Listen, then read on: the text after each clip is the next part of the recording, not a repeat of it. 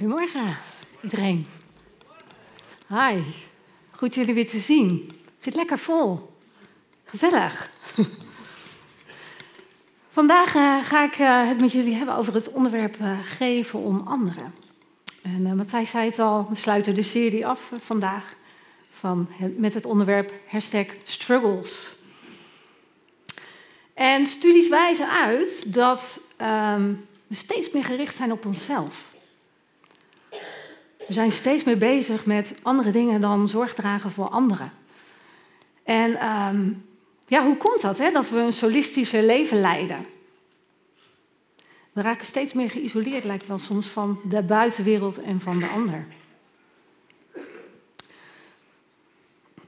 Het thema geven om anderen kun je op heel veel manieren vormgeven.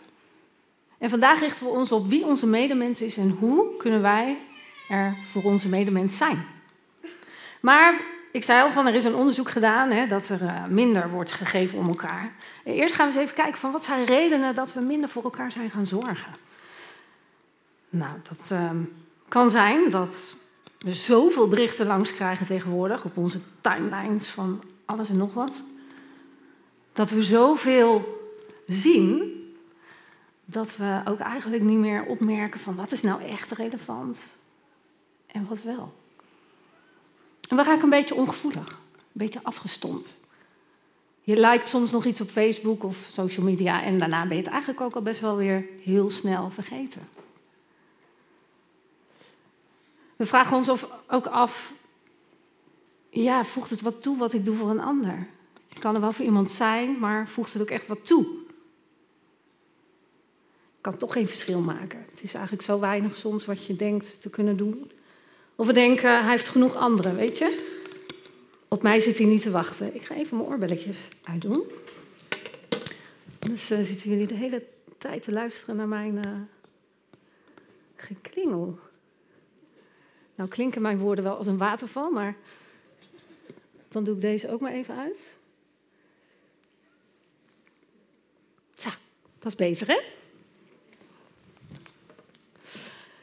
Dus ja, helpen we nog een ander met het idee dat we er wat mee op kunnen schieten. Hij heeft zo genoeg anderen om ons heen, om hem heen. En, um, maar soms denken we misschien ook, het komt ons niet zo goed uit. Ik heb echt wel betere dingen te doen. Het komt gewoon nu niet uit in mijn agenda en in mijn prioriteitenlijst. En ook al gaat het om begrijpelijke redenen, uiteindelijk komen we er niet door in actie. Nou, waardoor kom jij in actie? We gaan eerst even kijken naar een filmpje wat gaat over een ander helpen. Natuurlijk heb ik goede voornemens. Het is belangrijk dat je mensen helpt. Gandhi met de kale bats. Die zei ooit, uh, wees zelf de verandering die je in de wereld wil zien. Snap je? Nee, maar snap je het ook? Snap je? Hallo mevrouw, gelukkig nieuwjaar. Ik ga u helpen oversteken. Jawel, kom maar, kom maar. Wacht, wacht, wacht, wacht. Gelukkig nieuwjaar, hè. Hier, ja, kom maar. Ik pak de koffer wel. Ik pak de, ik pak de koffer wel even, dat is makkelijker voor u. Gelukkig nieuwjaar, hè. Mevrouw, de koffer. De koffer. Banaan. Wil je een banaan? Wil je een banaan? Het is goed voor je, banaan, alsjeblieft. Er zitten veel vitamine in. Ja? Ja. Echt opeten, anders ga je dood. Wil jij een banaan? Alsjeblieft. Gezond. Anders ga je dood. Let goed op je karretje, hè. Dat er niemand aan die karretje zit. Die dankbaarheid van al die mensen. Als ze zo die dingen aannemen. Dat is prachtig. Alsjeblieft. Maar anders gaat je dood. Alsjeblieft. Neem nou. Neem nou een lekkere banaan. Alsjeblieft. Gelukkig nieuwjaar, hè. Wacht maar even. Steek maar over. Ja, steek maar over. Ik hou het voor je tegen. Hier, kom maar. Loop maar door. Doorlopen, doorlopen. Nieuwjaar is pas één dag begonnen, maar het is toch fijn om te merken dat mensen het echt waarderen als je ze helpt. Want we zijn toch op de wereld om elkaar, om elkaar te helpen, nietwaar? Snap je? Dat zit in je hart. Je?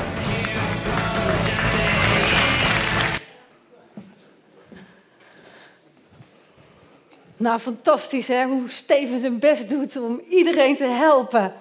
En ik hoor jullie lachen, dus kan ik dan concluderen dat jullie ook wel zien van... Hmm, is dit dwangmatig of is dit helpen met je hele hart en met je hele ziel? Ja, geef om anderen een thema waar we best wel mee kunnen struggelen. We hebben er al een paar keer uh, hè, ook over gehad, van de struggles. En zo hebben wij ook regelmatig te struggelen met hoe kunnen we er voor een ander zijn.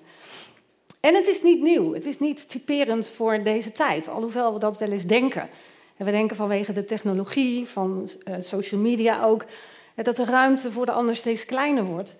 Maar het is eigenlijk helemaal niet nieuw. Want ze ging terugkijken en het viel me op dat in de tijd van de Bijbel was het eigenlijk ook een onderwerp waar ze toen mee struggelden. Ze wisten toen ook niet precies van voor wie moet, moet ik nu precies klaarstaan. En het gebeurde ook regelmatig dat mensen dachten van ik heb gewoon nu even geen tijd. En in een geweldig verhaal waarin deze struggle goed te zien is, kunnen we vinden in het Bijbelboek Lucas. En dat gaat over een gelijkenis van de barmhartige Samaritaan.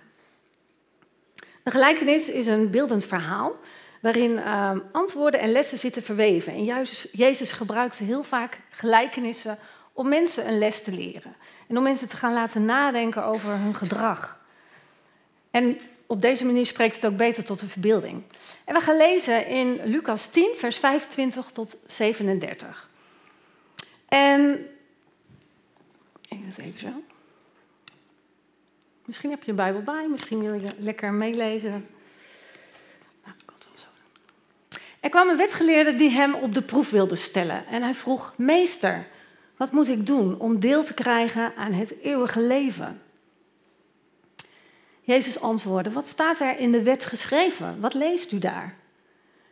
De wetgeleerde antwoordde: Heb de Heer uw God lief met heel uw hart en met heel uw ziel, met heel uw kracht en met heel uw verstand en uw naaste als uzelf. Nou, een wetgeleerde, die, dat is een man die kun je eigenlijk vergelijken nu met een geestelijk jurist.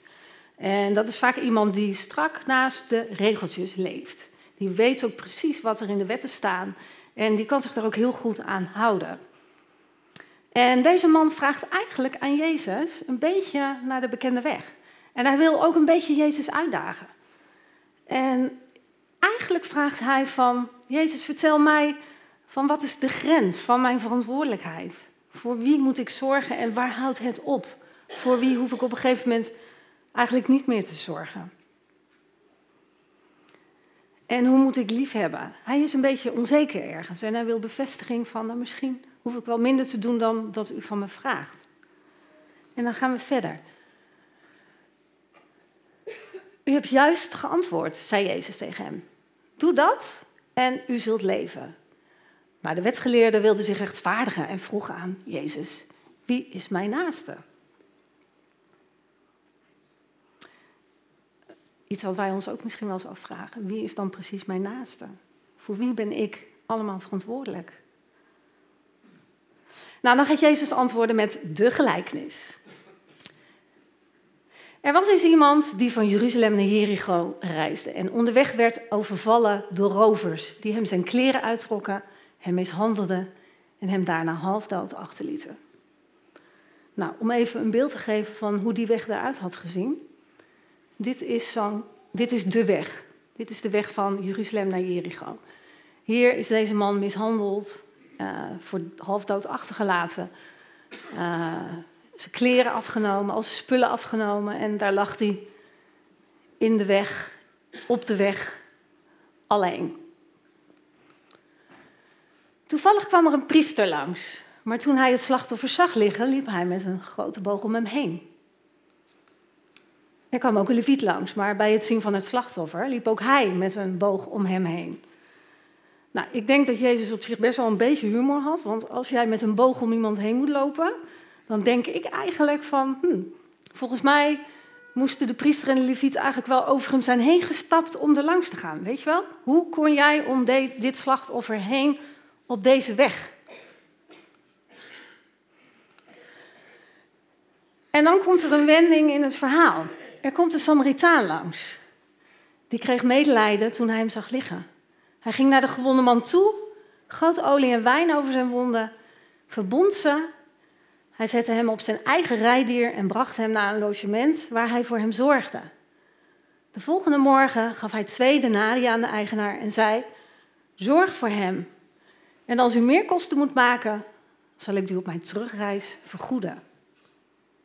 Nou, Samaritaan, dat was in die tijd uh, geen lievertje. Het waren vijanden van de Joden, het volk van de Samaritanen. En ze werden ook wel bestempeld als vreemdeling. Dus van de leviet en de priester was het al helemaal geen lievertje. Die konden elkaar niet luchten of zien. En wel apart dat uitgerekend deze man stopt. De leviet en de priester die liepen daar heel vaak, want het is een weg van uh, Jeruzalem naar Jericho. En de priester en de leviet, dat zijn mensen die hadden taken in de tempel. Dus die liepen daar echt heel vaak. En die weg is ongeveer een weg van ruim 20 kilometer, wat we net zagen. Nou, je zag het gebied is kaal en droog en dor en het is daar hartstikke warm, geen water te verkrijgen. Dus je kunt je voorstellen dat dat best wel een, uh, nou, een pittige tocht is. Uh. En als je alleen reist, en dat deed de gewonde man, die was dus overvallen door rovers en die reisde alleen. Nou, deze weg werd ook gezien als een soort dode weg. Dus als je alleen reist, dan kun je je voorstellen dat je natuurlijk extreem kwetsbaar bent.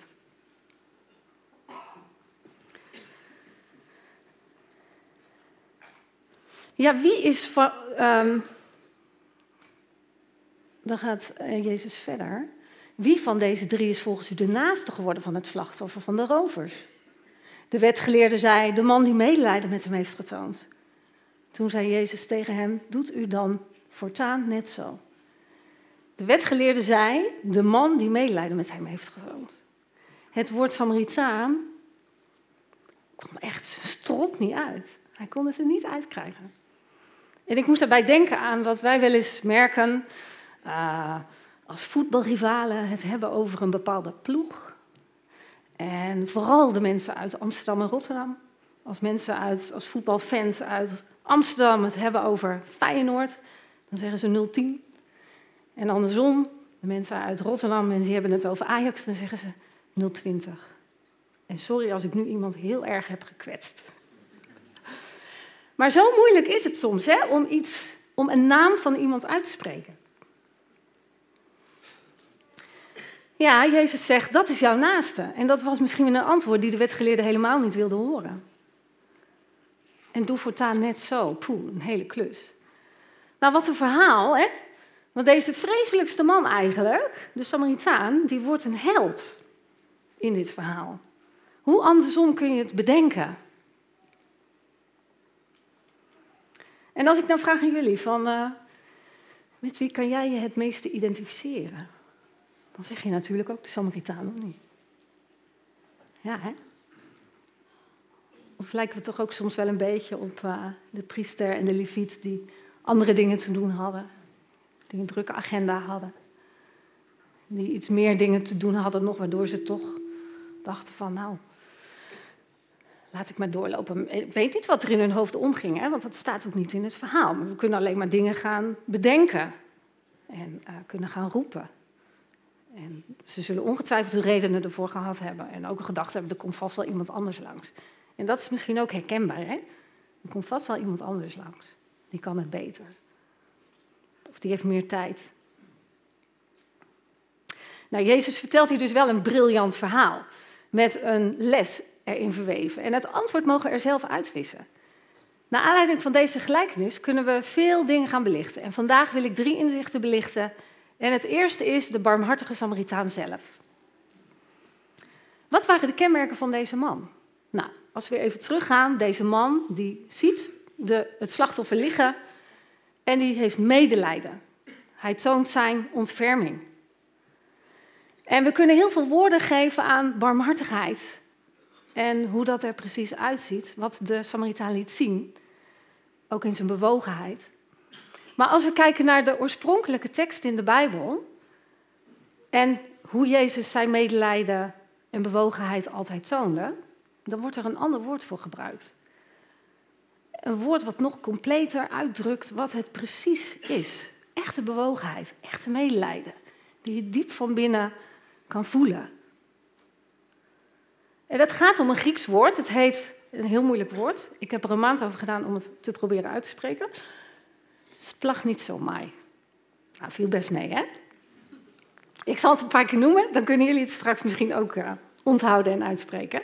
Splagnitsomai omvat de volgende woorden en gevoelens: compassie, medelijden, erbarmen, ontroering, intens bewogen zijn, diep geroerd, breken, splijten, je ingewanden keren om. Het hart keert zich naar buiten. Je hart huilt. Het gaat je door merg en been. Het dringt door tot het echt de innerlijkste, diepste ziel en het hart waar je het ergste bewogen kan zijn, waar je diepste bewogen en geraakt kan zijn. En misschien ken je dat gevoel ook wel.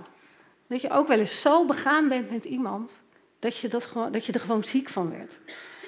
Dat je pijn kreeg, gewoon je hart brak in tweeën. En zo kan het voelen dat je misschien wel eens iemand, een geliefde ziet pijn lijden of verdriet hebben.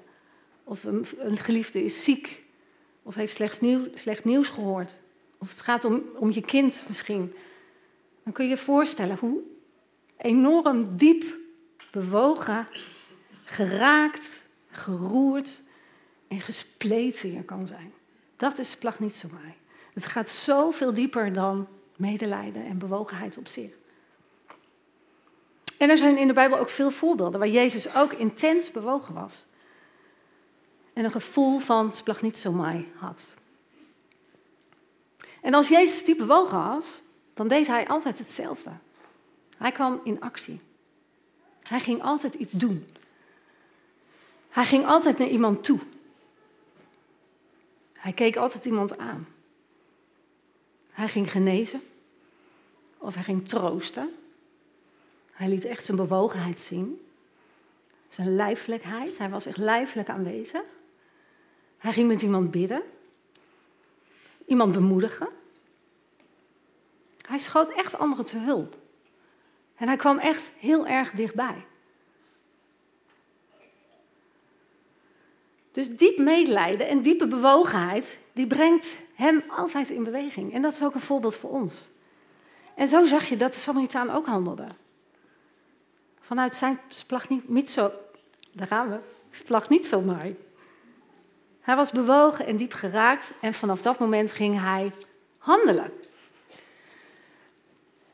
En dat is ook een voorbeeld voor ons. Herken je dat? Dat je iets ziet, dat het iets met je doet en dat je dan overgaat tot handelen. Of stop je ergens halverwege? De Samaritaan toonde zich echt flexibel en hij handelt praktisch. Hij weet ook echt helemaal niet wie hij voor zich heeft. Want als jij iemand daar zo in de kreukels ziet liggen zonder kleren aan, je kent geen identiteit meer, kun je terugvinden. Dus je weet niet, is iemand je vriend of je vijand. Nou, hij stopt gewoon op die gevaarlijke weg. Hè? Dus hij ziet en hij stopt en hij geeft zijn eigen olie en wijn en hij verleent gewoon eerst hulp. En hij zet hem op zijn rijdier, brengt hem naar een veilige plek. Zorgt de hele nacht voor de man, draagt hem over aan de herbergier en hij betaalt al de kosten. En hij belooft ook nog om extra kosten te betalen als die gemaakt worden. En hij belooft om terug te komen. Nou, dan ben je best wel trouw, denk ik, hè, voor iemand die, die je niet kent. Hij toont zich verantwoordelijk en het mag hem wat kosten. Hij gooit zijn agenda helemaal om. Nou, een Bijbeltekst die daar ook een beetje aan doet denken, ehm, die ook bedoeld was voor, uh, die als een soort regel bedoeld was voor de mensen die zelf hun eten verbouwden, is een Bijbeltekst in Leviticus 23, vers 22. Er staat: Ga bij het binnenhalen van de oogst niet tot aan de rand van de akker en raap wat blijft liggen niet bijeen, maar laat het liggen voor de armen en de vreemdelingen. Dat is een heel mooi principe. Hoeveel ruimte is er in jouw agenda om iets te kunnen betekenen voor de ander? voor een vreemdeling of een gewonde of een zieke of iemand die even aandacht nodig heeft? Heb jij ruimte in jouw agenda? Heb jij randen in jouw agenda overgelaten? Om plotseling even je hele agenda om te laten gooien? Dat jij ineens van koers mag veranderen omdat je er even voor iemand moet zijn. Dat je even verschil moet brengen in iemands leven. Heb jij daar ruimte voor? Is er ruimte in jouw agenda voor een splag niet zo mooi momentje? Dat je ziet, dat je voelt en dat je je agenda dicht doet en je gaat handelen. Jezus laat ons zien dat geven om elkaar veel breder is. Zonder grenzen. Voor iedereen eigenlijk mag je er zijn. Het maakt niet uit wie we tegenkomen. We zijn allemaal verantwoordelijk om iedereen te helpen. En de vraag wie iedereen is, gaan we bekijken in het tweede inzicht. Voor wie ben jij een naaste? En in het Bijbelverhaal buigt Jezus de vraag van de wetgeleerde om van wie is mijn naaste naar wie heeft zich gedragen als naaste. Dus Jezus verlegt de focus van jezelf naar de ander. Dat vind ik heel opmerkelijk. Want we kunnen zo bezig zijn met, ja, ik moet ook gewoon goed voor mezelf zorgen. En hè, we, we leven ons leven. En dat is belangrijk, dat het goed gaat en zo. En dan zegt Jezus eigenlijk van, ik wil dat je kijkt naar de ander. Voor wie mag jij er zijn, in plaats van wie moet er voor jou zijn? Hoe kun je de ander dienen in plaats van dat je zelf gediend wordt? En wie was de naaste voor deze gewonde man? Want als niemand zich verantwoordelijk had gevoeld voor deze gewonde man, en de Samaritaan was ook niet gestopt, wat dan? En is het vandaag eigenlijk niet anders? Dit kwam ik pas tegen. Een berichtje uit de krant. Man ligt maandenlang dood in huis in Arnhem. Zijn buren zeiden, we dachten dat hij in Spanje zat. Maandenlang, hè? Niemand heeft hem gemist. Voor wie, ben, voor wie ben jij een naaste?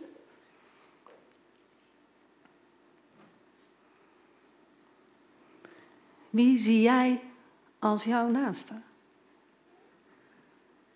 Voor wie mag jij een naaste zijn?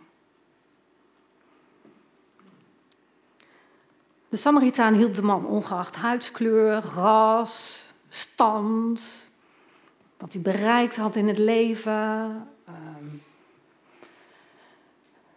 kennis, beroemd, arm, rijk, crimineel, uitgekotst, op een voetstuk geplaatst,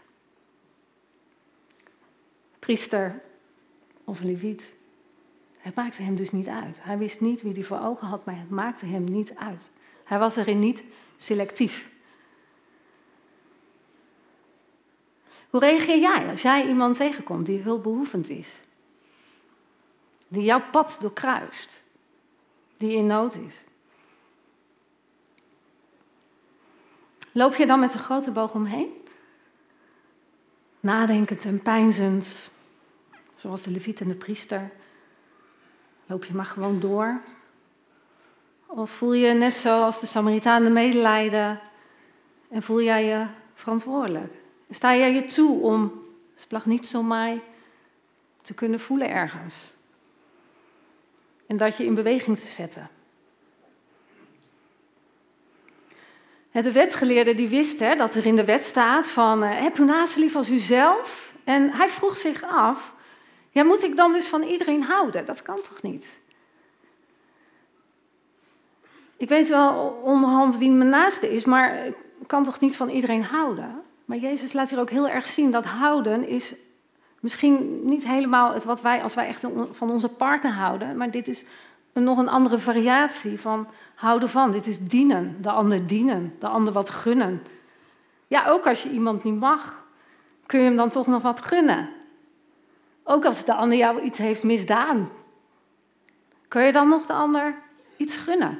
Kun je dan nog een helpende hand aanreiken? Kun je dan nog bewogen zijn als die ander misschien echt verdrietig is? En dat is heel confronterend. We kennen onszelf en we weten dat dat ook vaak het punt is dat we afhaken.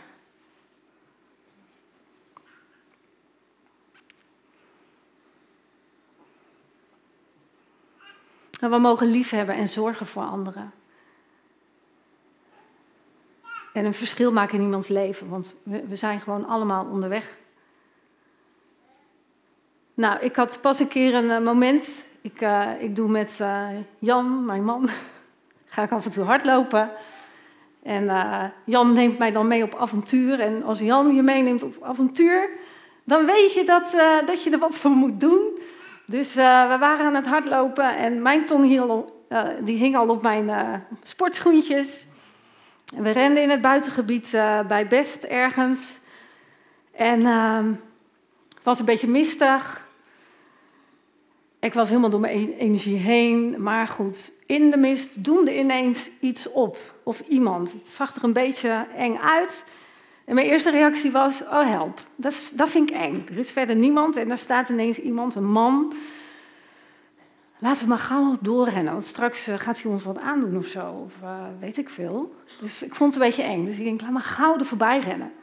Tweede gedachte was, maar wat als deze man iets wil vragen of als die hulp nodig heeft. Dat was een ander gevoel. Misschien is er wel echt iets aan de hand en moet ik wel echt iets voor deze man doen. En als ik dat nou niet doe, dan denk ik dat ik me schuldig ga voelen. dit gebeurt er allemaal in een split second. Hè? Dan ga ik me schuldig voelen en dan zit ik straks thuis op de bank. En dan, uh, dan baal ik, want dan lees ik straks misschien dat er een man was overleden daar bijvoorbeeld. En dan heb ik niet geholpen. Nou, dat, is heel erg. Waar ik ook aan dacht van, ja, ik ben hier aan het hardlopen. Eh, we hadden allebei hè, van, die, van die programma's aan en die moet je dan weer stopzetten en dat is dan lastig. En dan ben je weer uit je flow en ik heb altijd als een sport van, ik wil mijn rondje rennen zonder te stoppen. Dus ah, ik dacht, nee, dit komt gewoon niet uit. Ik dacht echt van, en er komt vast wel iemand anders langs. Nou, ik herkende me dus wel in een van die drie mannen uit de gelijkenis. Nou, toch aangemoedigd door mijn schuldgevoel en mijn christenhart, dacht ik: oké, ik ga gewoon vragen: kan ik u helpen? Dus we kwamen naderbij en de man die keek nog steeds een beetje verdwaasd boven mij uit. En dus ik riep: kan ik u helpen? En hij zei: ja, graag. En toen kwam ik dichterbij. En toen zag ik dat hij een blinde stok had. Hij was echt met zijn vingers aan het zoeken van aan zijn uiteinde van zijn blindenstok. Dus hij zegt, ja, graag, ik ben het dopje kwijt wat aan het uiteinde van mijn stok hoort. Nou, dat is best wel een heel relevant onderdeel van zo'n stok, kan ik me zo voorstellen. Dus ik uh, zoeken, binnen vijf seconden had ik tussen de blaadjes had ik dat grijze dopje gevonden en ik geef het aan die man. Hij was hartstikke blij. En wij renden weer voldaan weg. We vervolgden ons reis weer. Voor deze man was ik een naaste. Herken je dat? Al die bedenkselen die zo tegelijkertijd in je hoofd zich kunnen afspelen.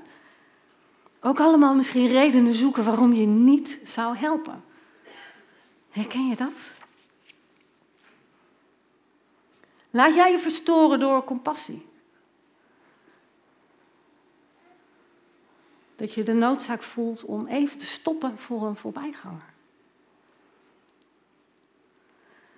Nou, hoe kun je dan precies een naaste zijn? Dan gaan we naar het derde inzicht. Hoe kan jij een naaste zijn? En waarschijnlijk vraag je ook wel eens af van, ja, wat voegt mijn hulp dan toe? Wat kan ik dan betekenen? Is het een druppel op de gloeiende plaat? Want het is zo weinig misschien wat je te bieden hebt. Nou, de Samaritaan onderbrak zijn reis. We weten niet precies wat hij ging doen, maar hij stopte en hij ging ook nog een nachtje eraan vastplakken om voor de gewonde man te zorgen. En daarna draagde hij hem over aan de herbergier. En zo werkt, denk ik, als wij voor anderen er mogen zijn, zo werkt het ook. Dat je wordt overgenomen door iemand anders weer. Je hoeft niet altijd alles te doen. Je kan niet de hele wereld redden. En God stuurt ook wel weer iemand anders langs. Een andere Samaritaan. Dus je kan niet de hele wereld redden en dat hoeft ook niet. Er zijn natuurlijk grenzen aan het helpen van anderen. En leg de lat daarbij ook niet te hoog. En geven om anderen gaat niet alleen om hele grote dingen, maar het gaat ook om gewoon kleine dingen. Waarin je gewoon kan zijn. Waarin je er kan zijn voor een ander. En het is aan ons om ons daarin te, blijven trainen. En we mogen alert blijven op situaties die we om ons heen zien gebeuren. Dat we opmerkzaam zijn op de ander. Dat we niet alleen maar zo door het leven gaan met onze eigen agenda's en prioriteitenlijsten, maar dat we ook zicht hebben op hey, waar kan ik even iets toevoegen? Waar mag ik een verschil maken? Welke voorbijganger triggert mij omdat ik iets voel, iets wat misschien niet zo mij heet?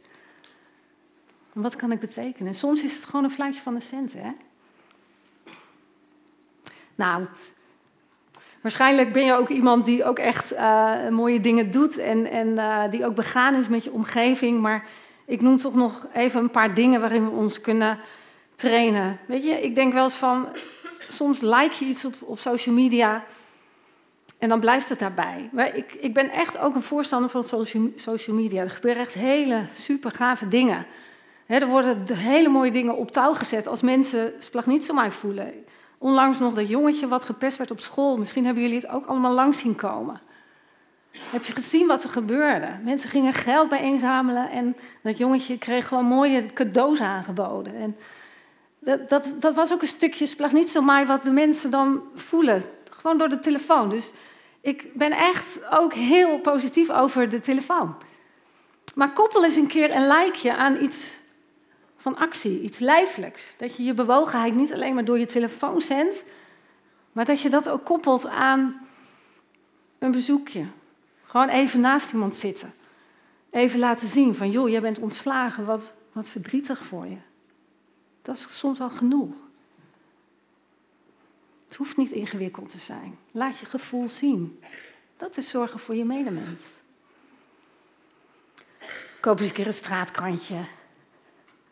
Geef eens iemand een, een lieve, lieve schouderklop of een knuffel. Ga eens een keer koffie drinken of een spelletje doen in een AZC. Er zitten zoveel mooie, lieve mensen die daar wel een beetje positieve aandacht kunnen gebruiken. Zoek maar eens op. Help iemand een keer op straat. Een beetje anders dan dat Steven deed. Maar kijk, kijk om je heen. Neem in de supermarkt niet het paadje omdat je weet dat er in dat andere paadje die ene persoon staat. Nee, ga juist dat paadje in en zeg juist iets tegen die persoon.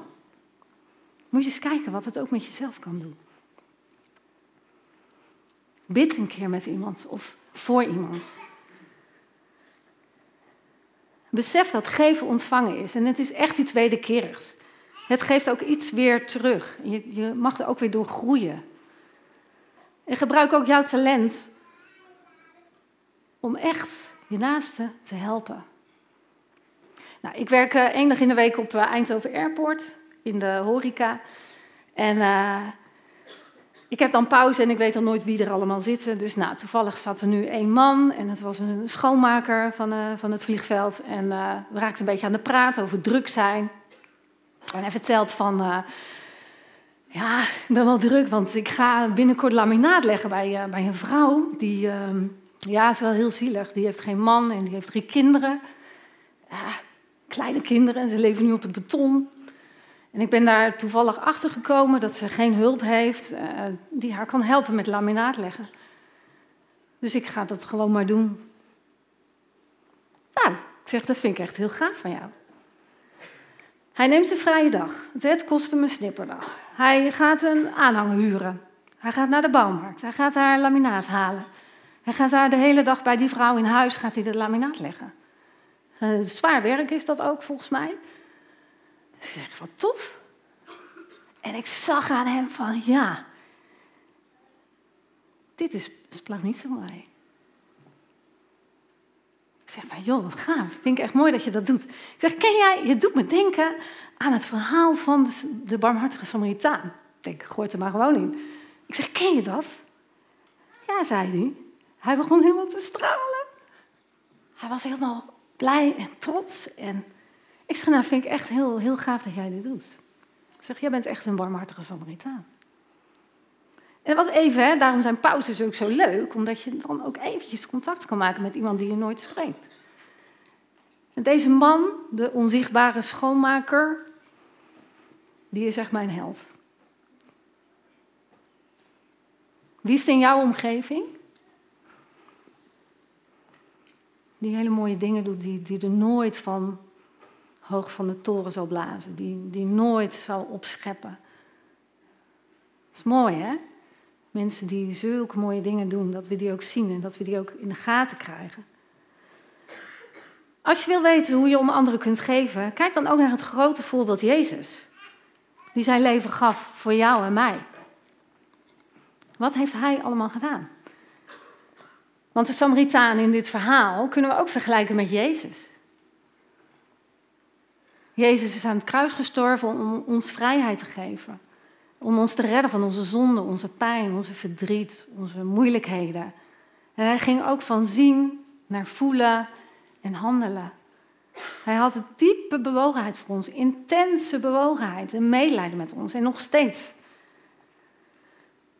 En dat mocht hem ook wat kosten, het mocht hem zelfs zijn leven kosten. En bij Jezus is geven om elkaar ook breed, zonder grenzen. Hij stierf echt voor iedereen. Hij stierf echt voor jou en voor mij. Zonder selectie. En Jezus kent de rol van de gewonde man, van de gelijkenis. En Jezus is ook geslagen, zijn kleren afgepakt, verlaten, diep gekwetst, beroofd. Maar Jezus is ook degene die redt en zijn hulp aanbiedt. Maar hij geeft echt om jou. En misschien zit je hier en voel je Gods hulp wel in je leven. Dat je denkt, ja, daar kan ik ook altijd wel contact mee maken. Ik voel ook echt dat Hij er is.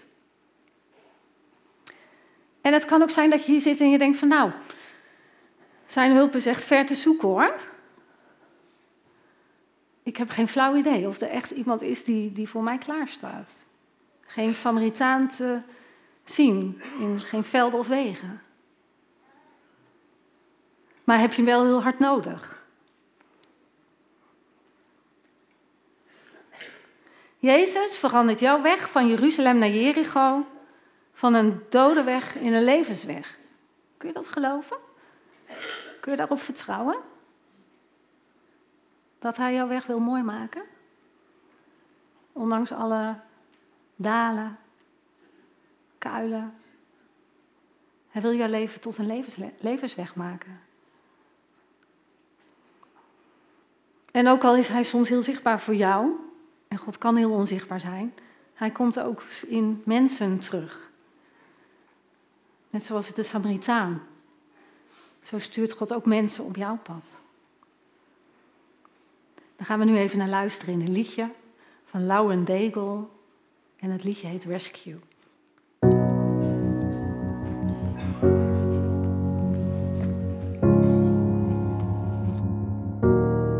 You are not hidden. There's never been a moment You were forgotten, you are not hopeless. Though you have been broken, your innocence stolen. I hear you whisper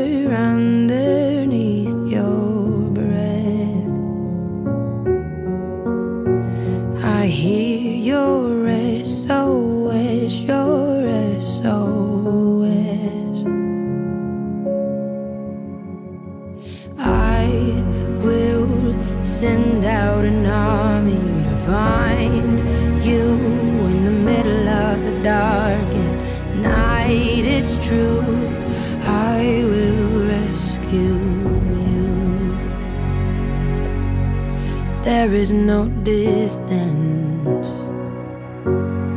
that cannot be covered over and over. You're not defenseless. I'll be your shelter, I'll be your armor. I hear you whisper underneath your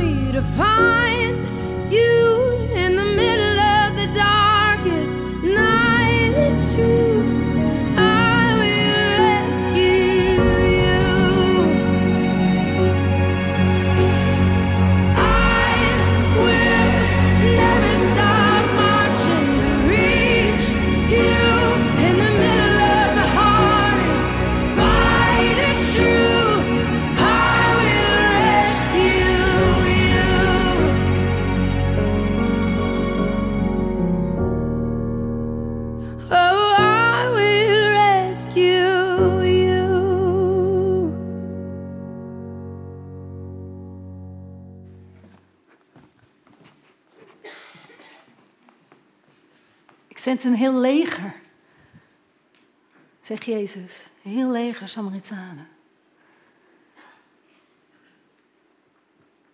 Misschien ben jij ook een onderdeel van dit leger. Kun jij ook een Samaritaan zijn? Voor wie? Geef om elkaar. Voor wie mag jij een naaste zijn? Nou, kijk maar eens even om je heen met een beetje contact maken met je splag niet zo mij. Kijk maar eens om je heen. Wie kunnen je naasten zijn? En voor wie ben jij je naaste? En als je straks naar de koffie gaat, wat kun je uit dit verhaal van de barmhartige Samaritaan meenemen, waardoor je misschien wel op een andere manier gaat koffie drinken? En wat neem je mee naar huis? Als je, je gaat straks weer naar huis en je gaat weer de werkweek in morgen. Met alle dingen, heel je agenda. Met de randen. Jij weet hoe groot ze zijn. Voor wie kun jij deze week een Samaritaan zijn?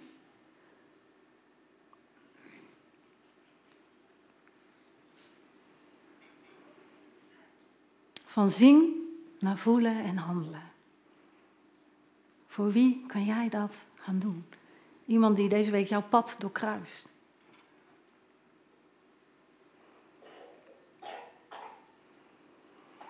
Ik wil afsluiten door met jullie te bidden. Lieve Heer, dank voor uw woorden. Wat een geweldig verhaal mochten horen over de barmhartige Samaritaan. U laat ons echt nadenken over onze houding in deze wereld, waar we zo nodig zijn. U laat ons zien dat we mogen geven om anderen, door de focus te gaan verleggen van onszelf naar meer oog voor onze medemens. Geef dat we naar huis gaan met vrede, met enthousiasme, om een Samaritaan te ontvangen, maar ook om een Samaritaan te zijn voor onze naasten. Door te zien, te voelen en te handelen. Dank u dat u ons wilt gebruiken in deze wereld voor meer verschil, meer liefde en meer kleur. Amen.